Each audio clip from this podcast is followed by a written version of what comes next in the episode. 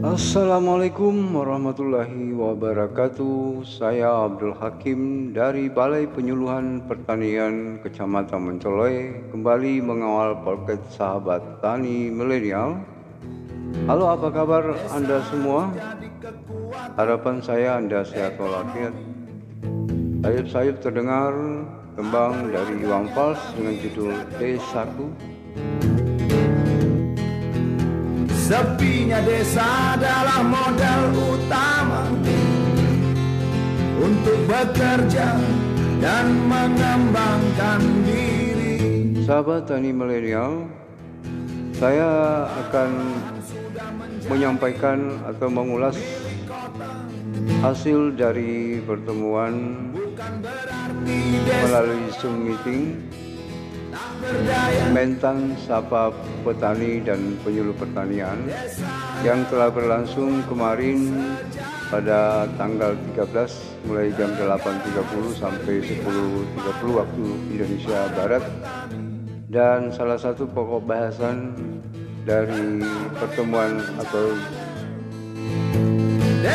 Zoom meeting itu adalah bagaimana peran penyuluh di Konstantani mendukung program utama Kementan tahun 2021.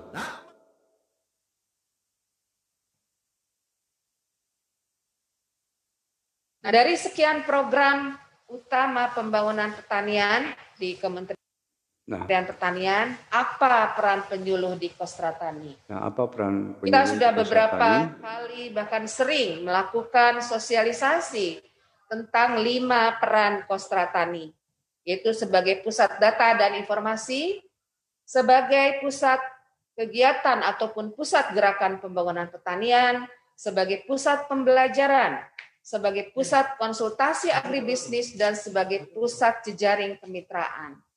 Bagaimana Bapak Ibu sekalian mewujudkan lima peran itu sehingga mendorong program utama Kementerian Pertanian dapat dilaksanakan di seluruh wilayah di Indonesia. Kita lihat di sini Bapak Ibu sekalian, beberapa peran penyuluh yang bisa kita laksanakan di Kosratani untuk mendorong program utama.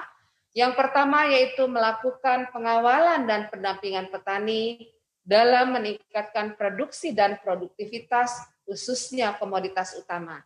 Nah, tentunya pengawalan dan pendampingan ini juga perlu dilakukan untuk komoditas lainnya yang memang perlu dukungan dari semua penyuluh yang ada di wilayah tersebut.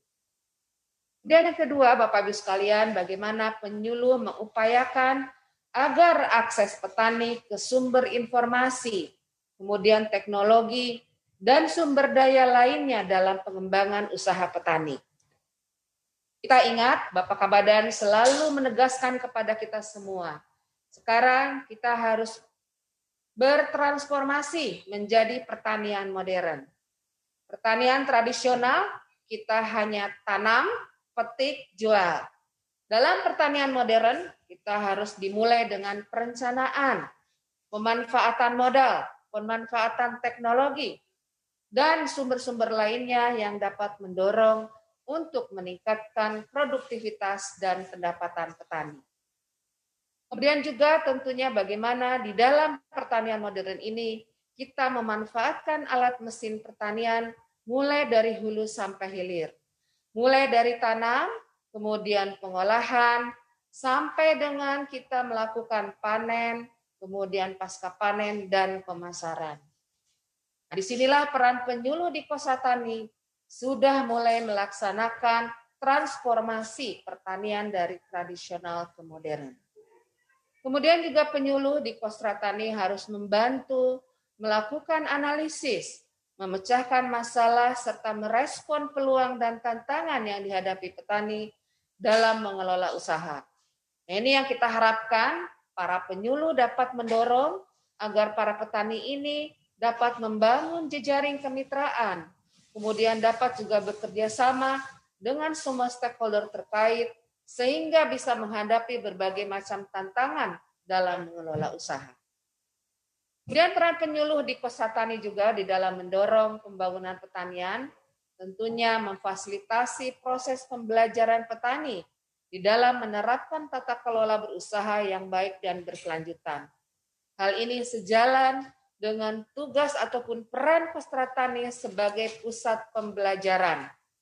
Bapak Ibu sekalian, pada tahun 2021 ini Bapak Menteri Pertanian mengarahkan agar semua eselon 1 terkait melakukan demplot di lokasi-lokasi Kostra Tani ataupun DPP yang akan menjadi percontohan bagi para petani di dalam menerapkan teknologi yang tentunya nanti akan meningkatkan pendapatan dan juga produktivitas pertanian.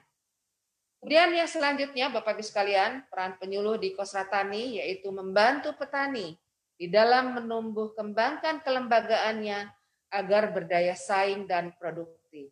Nah inilah di sini peran kita di Kosratani sebagai pusat konsultasi agribisnis, sebagai pusat jejaring kemitraan, membantu menumbuh kembangkan kelembagaan ekonomi petani, kemudian berkembang menjadi korporasi.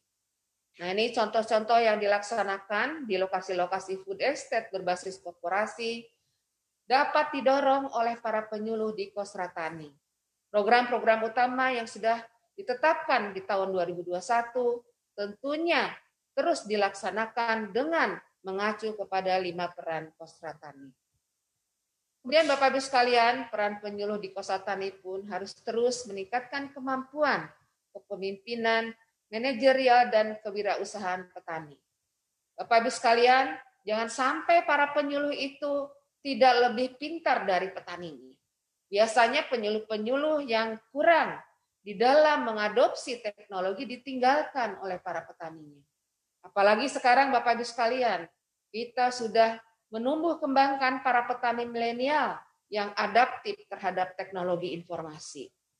Bagaimana penyuluh ini bisa mengimbangi, kemudian dapat memfasilitasi dan mendorong agar para petani milenial ini mampu meningkatkan produktivitas, khususnya komoditas pertanian yang dapat meningkatkan nilai tambah dan juga pendapatannya.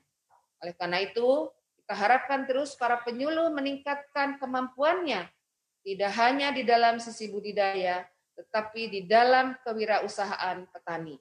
Sehingga rencana Bapak Menteri Pertanian untuk mencapai dua setengah juta petani milenial selama lima tahun dapat diberi contoh oleh para penyuluh dengan paling tidak menumbuh kembangkan lima petani milenial satu penyuluh setiap tahun. Nah ini yang kita harapkan, kita beri contoh sebagai para penyuluh bagaimana kita mengetahui kemampuan kita di dalam kewirausahaan petani. Lanjut. Ini beberapa program uh, tanaman pangan yang tentunya perlu dukungan dari para penyuluh di Kosratani. Di program tanaman pangan yang utama yang akan dilakukan di 2021, Bapak Ibu sekalian, yaitu perluasan area tanam baru. Nah, ini nanti kita akan mengundang dari eh, Tanam Rangan. Insya Allah Pak Dirjen Tanaman Pangan minggu depan melalui acara ngobras akan mengisi mengenai bagaimana program perluasan area tanam baru ini dilaksanakan di seluruh Indonesia. Kemudian peningkatan indeks pertanaman atau PIP serta peningkatan produktivitas dengan model IP 400 dan bagaimana beras biofortifikasi untuk mengatasi stunting. Nah ini yang tentunya para penyuluh harus tahu bahwa program-program ini perlu dukungan para penyuluh di Kostratani. Kemudian juga di dalam program tanaman pangan ini yang perlu didorong nanti adalah bagaimana integrated farming, pengembangan food estate, dan kostraling. Nah, kostraling ini bagaimana penggilingan-penggilingan ini dapat meningkatkan penyerapannya dari produksi yang dihasilkan oleh petani. Kemudian juga Bapak Ibu sekalian tentunya bagaimana pengembangan dan penguatan korporasi petani, pemanfaatan benih, serta hilirisasi, dan bagaimana kita mendorong melipat gandakan produksi kedelai nasional. Nah ini yang didorong oleh Bapak Presiden agar kita dapat minimal meningkatkan 50% dari produksi kedelai nasional kita kurangi impor kita di 2021 dengan cara-cara yang tentunya berbeda dengan cara-cara sebelumnya. Kita perlu upaya yang luar biasa, bukan cara-cara yang biasa. Oleh karena itu, saya yakin bahwa penyuluh di Kosatani sudah terbukti di era COVID-19 saja pertanian tumbuh positif dibandingkan komoditas lainnya. Lanjut.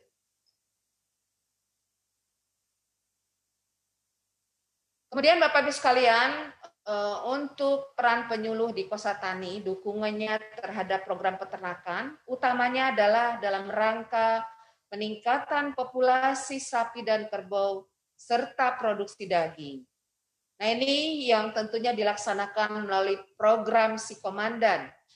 Dan kita tahu bahwa kita memiliki target akseptor 3 juta ekor, serta pengembangan 1000 desa sapi sebanyak 5.000 ekor, serta penambahan indukan impor 2.000 ekor. Nah ini dalam rangka tentunya kita meningkatkan produksi daging yang kita masih impor sampai dengan saat ini. Kemudian yang kedua yaitu pemberdayaan kelompok peternak dilakukan melalui pendekatan korporasi petani, khususnya untuk komoditas sapi kerbau, sapi perah, kambing, domba, babi, ayam buras, dan itik. Nah ini Bapak Ibu sekalian yang memiliki komoditas-komoditas tersebut, maka lakukan pemberdayaan melalui kelompok-kelompok ternak yang ada dengan pendekatan korporasi petani. Lanjut. Kemudian dukungan dari penyuluh di Kosatani untuk program hortikultura Bapak Ibu sekalian dilaksanakan melalui peningkatan produksi komoditas hortikultura Nah, dalam hal ini tentunya terkait dengan komoditas yang memiliki eh, kontribusi terhadap inflasi yaitu cabai dan bawang merah.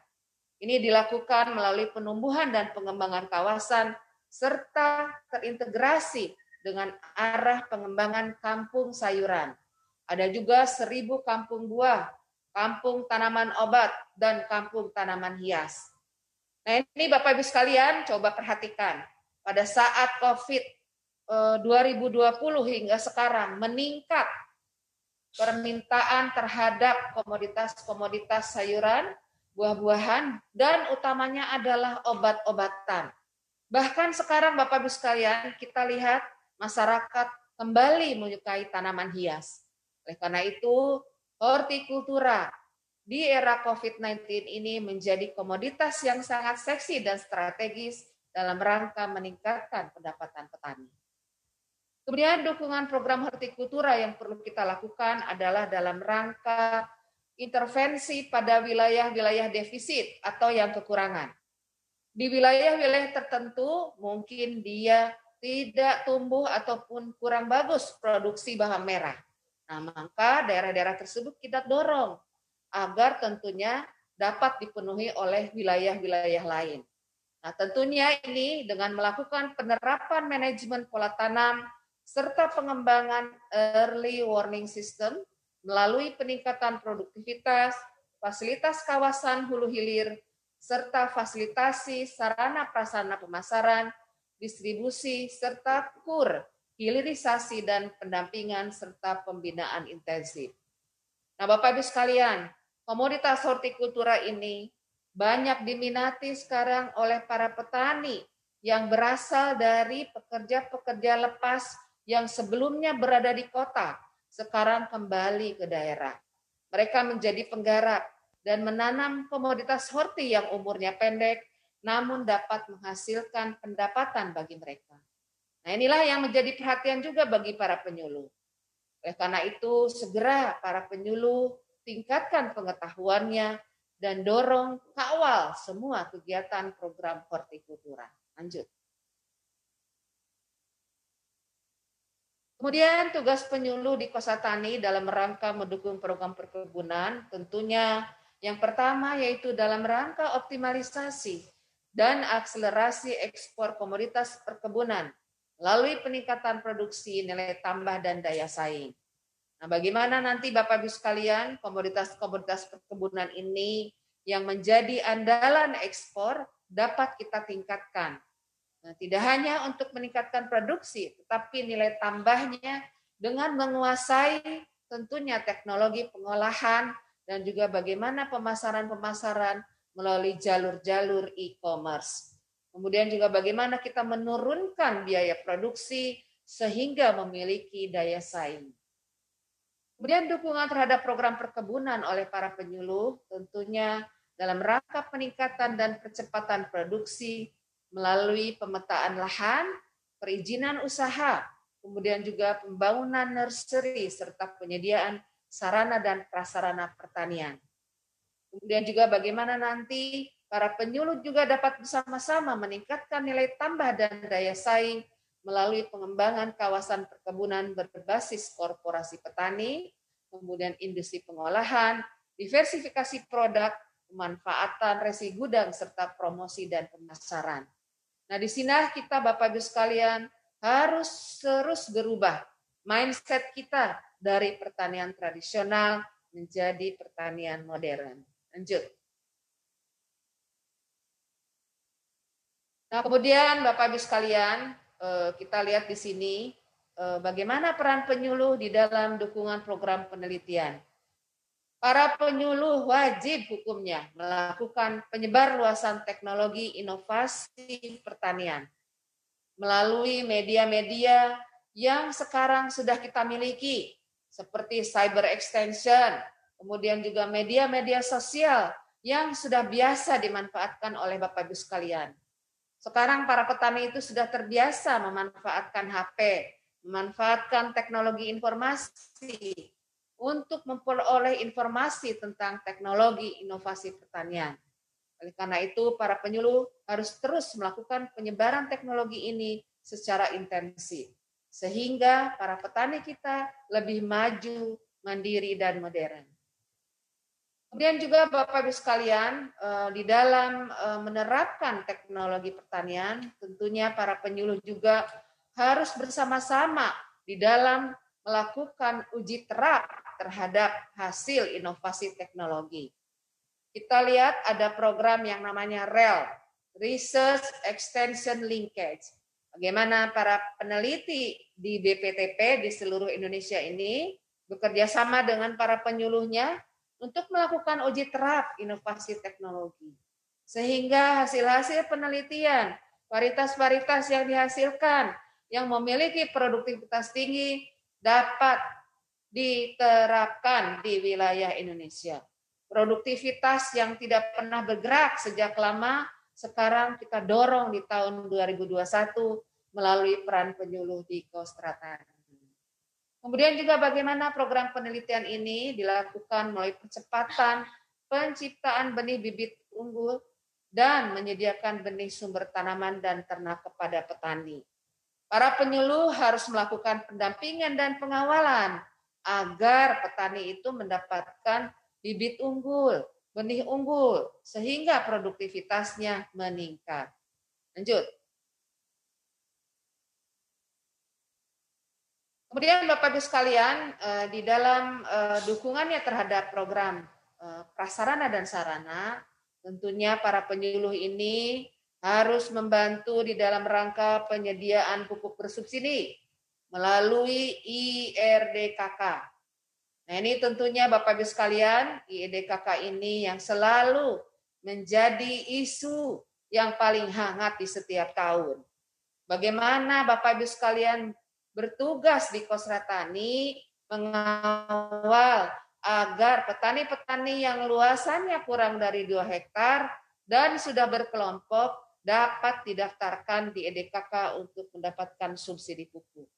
Kemudian juga bagaimana mengawal agar yang sudah masuk ke dalam EDKK tersebut dapat mendapatkan pupuk tepat waktu dan juga tentunya tepat jumlah serta tepat jenis dan juga tepat tempat. Nah inilah yang tentunya diharapkan para penyuluh selalu mengawal agar para petani itu betul-betul bisa menerapkan pupuk sesuai dengan kebutuhannya.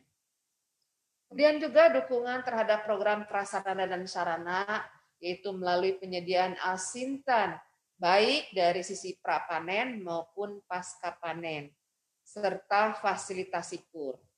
Nah ini Bapak Ibu sekalian, pada tahun 2021 kur kita ini meningkat tahun 2020 hanya sekitar 50 triliun. Di 2021 pemerintah menyediakan kur sekitar 84 triliun.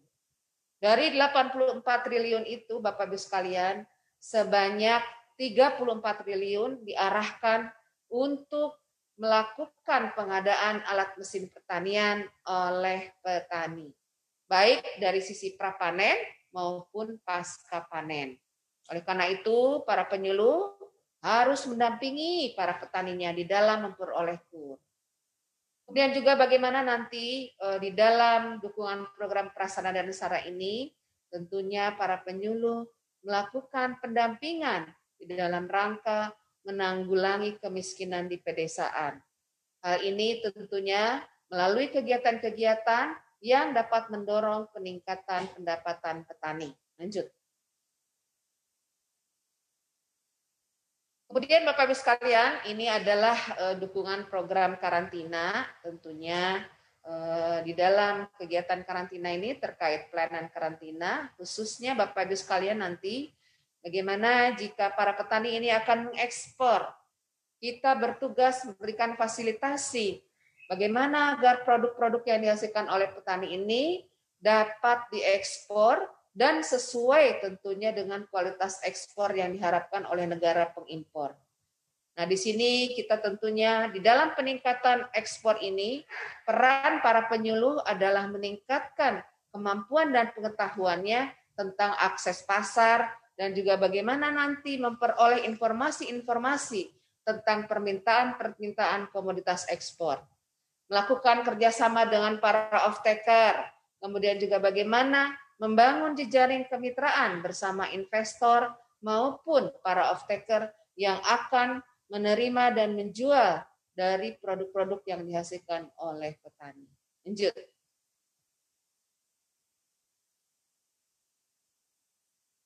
Nah, ini Bapak Ibu sekalian, eh, dukungan program eh, sumber daya manusia. Tentunya di sini kita lihat bahwa ada sebetulnya tiga pilar di dalam pengembangan program sumber daya manusia.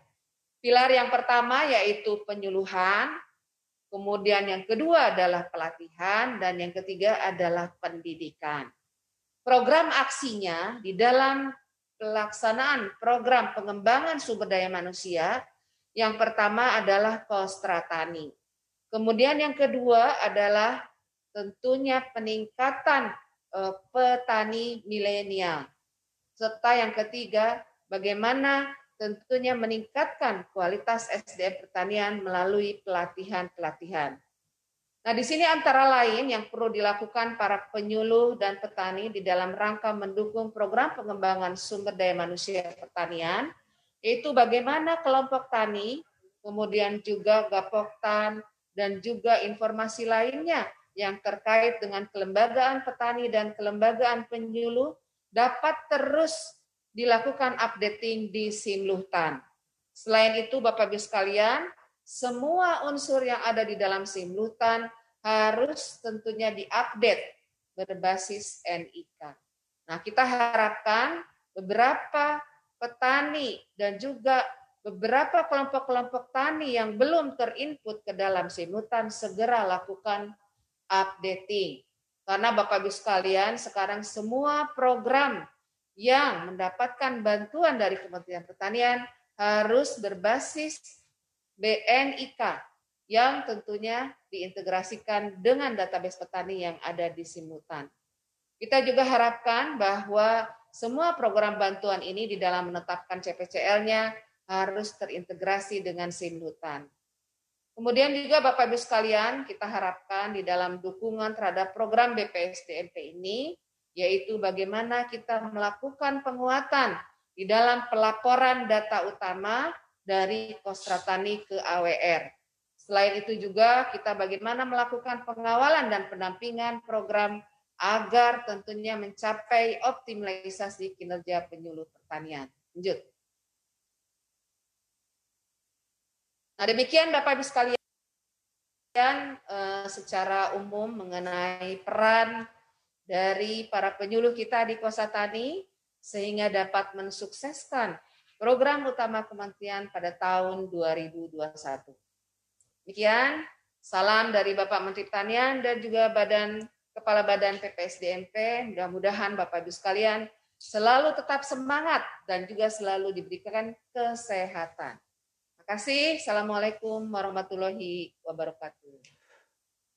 Oke, demikianlah tadi telah kita dengarkan bersama mengenai pembahasan atau ulasan dari salah satu narasumber pada pertemuan Mentan Sapa Penyuluh, Mentan Sapa Petani dan Penyuluh Pertanian pada volume 1 tahun 2021 dengan judul Peran Penyuluh di Konstatani mendukung program utama Kementan tahun 2021.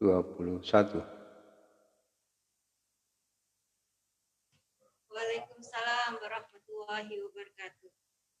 Inilah demikian uh, tadi ya sangat celaka.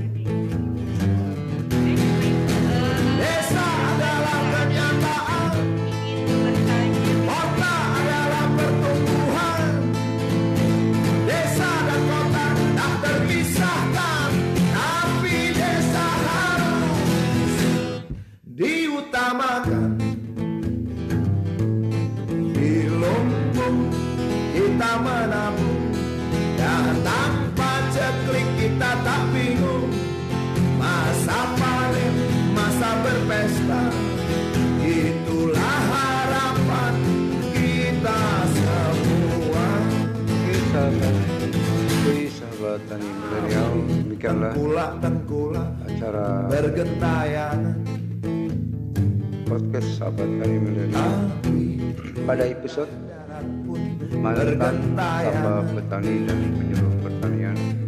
Untuk apa punya pemerintah kalau hidup terus-terusan susah. Sampai jumpa pada episode yang akan datang.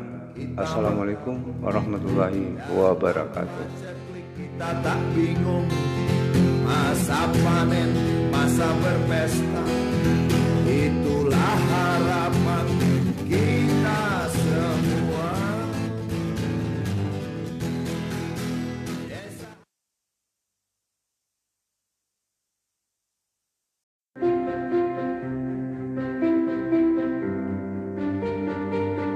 Assalamualaikum warahmatullahi wabarakatuh. Jumpa lagi dengan saya Abdul Hakim Dari BPP Moncoloy Kecamatan Moncoloy Kabupaten Maros.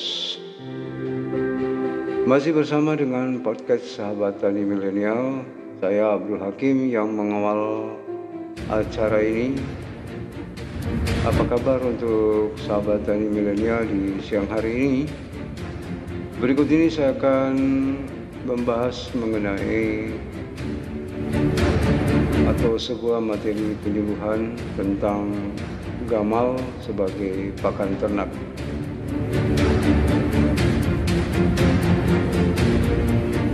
Materi ini saya ambil dari Cybex Pertanian Go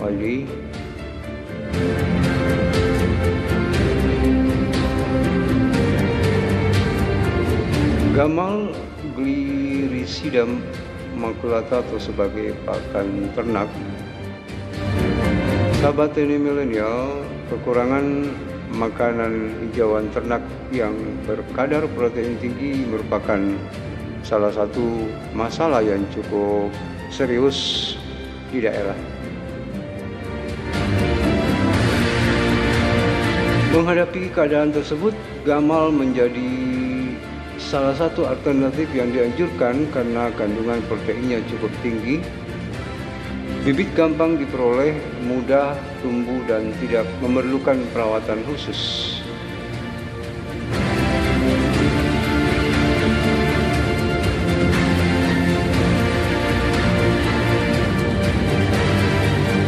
Sahabat tani milenial, komposisi saat makanan daun gamal ini protein 20 25,17 persen,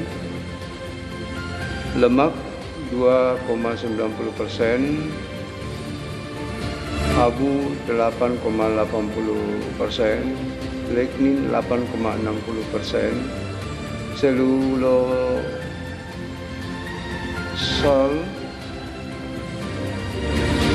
1,50 persen, kalsium 2 persen, fosfor 0,35 persen, magnesium 0,75 persen, natrium 0,04 persen, dan sulfur 2,01 persen dalam per 100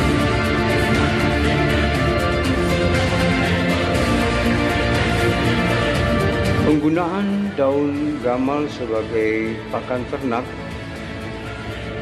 Daun gamal dapat dijadikan makanan tunggal atau makanan campuran bagi ternak sapi, kerbau, domba, kambing.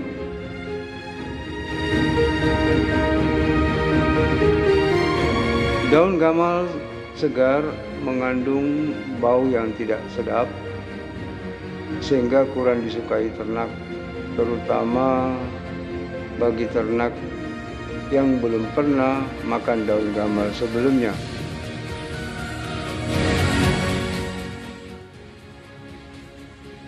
Untuk menghilangkan yang tidak sedap dari daun gamal dapat dilakukan dengan melakukan atau melayukan melayukan dirikan oh, pada ternak daun gamal selama 24 jam sebelum diberikan pada ternak. Oh ya, jadi sahabat tani milenial untuk menghilangkan bau yang tidak sedap dari daun gamal dapat dilakukan dengan melayukan dahulu selama 24 jam sebelum diberikan pada ternak.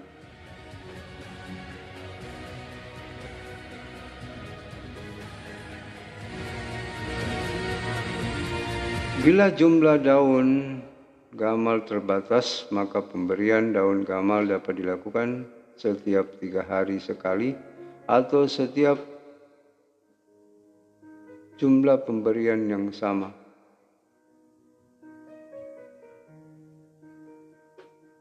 Ternak sapi dan kerbau yang diberikan pakan rumput yang berkualitas rendah atau jerami padi bila diberikan makanan tambahan berupa daun gamal 3-4 kg akan dapat mempertahankan berat badannya.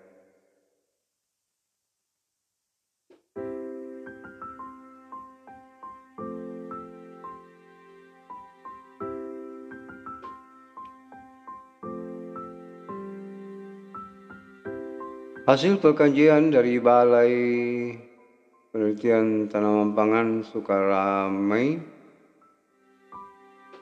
menunjukkan bahwa pemberian daun gamal sebanyak 20% dari total hijauan yang diperlukan oleh seekor sapi dapat menghasilkan pertambahan berat badan 1,03 1,01 kg ekor per hari. Daun gamal yang diberikan kepada induk domba akan meningkatkan bobot sapi anak-anaknya sampai di sapi.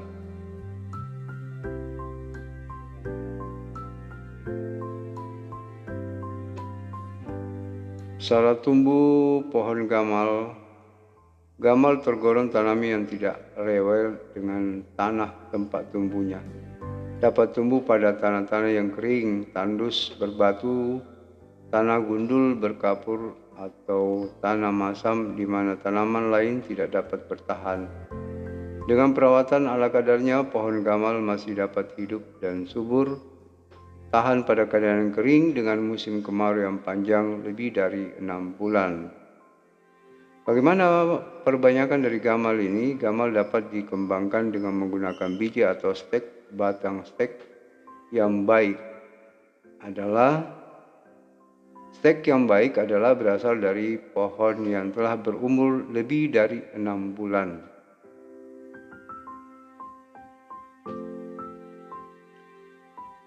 Panjang sampai 45 sampai 100 cm dan bergaris tengah 25 sampai 35 cm sebaiknya setelah diambil dari pohon asalnya stek segera ditanam dengan kedalaman 20-50 cm. Waktu penanaman yang baik adalah permulaan musim hujan.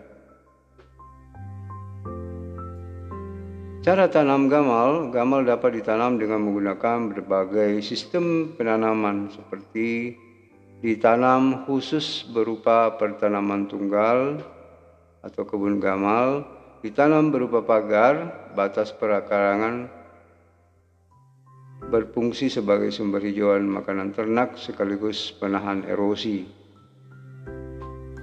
Sebagai tanaman lorong untuk hijauan dan penyubur tanah, ditanam di antara tanaman perkebunan dan kehutanan untuk mendapatkan nilai tambah berupa hijauan segar dan tepung daun.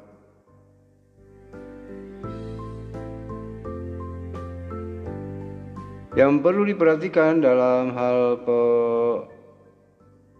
pemotongan tanaman gamal adalah atau panen adalah umur pada pemotongan pertama, terus tinggi pemotongan dan selam pemotongan. Pemotongan pertama dilakukan setelah tanaman berumur satu tahun atau lebih. Selam pemotongan berikutnya setiap dua bulan dan tinggi pemotongan